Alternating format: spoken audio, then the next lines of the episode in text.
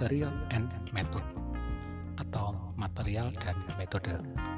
Isinya adalah apa yang Anda sudah kerjakan dalam riset atau penelitian ini.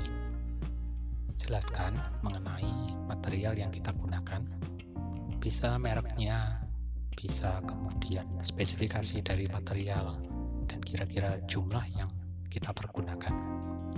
Kemudian, bagaimana caranya menggunakan material tersebut?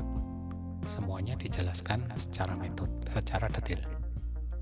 Nah, kemudian di situ juga mencakup metode yang akan kita pakai. Urut-urutan metode dari penelitian yang kita lakukan.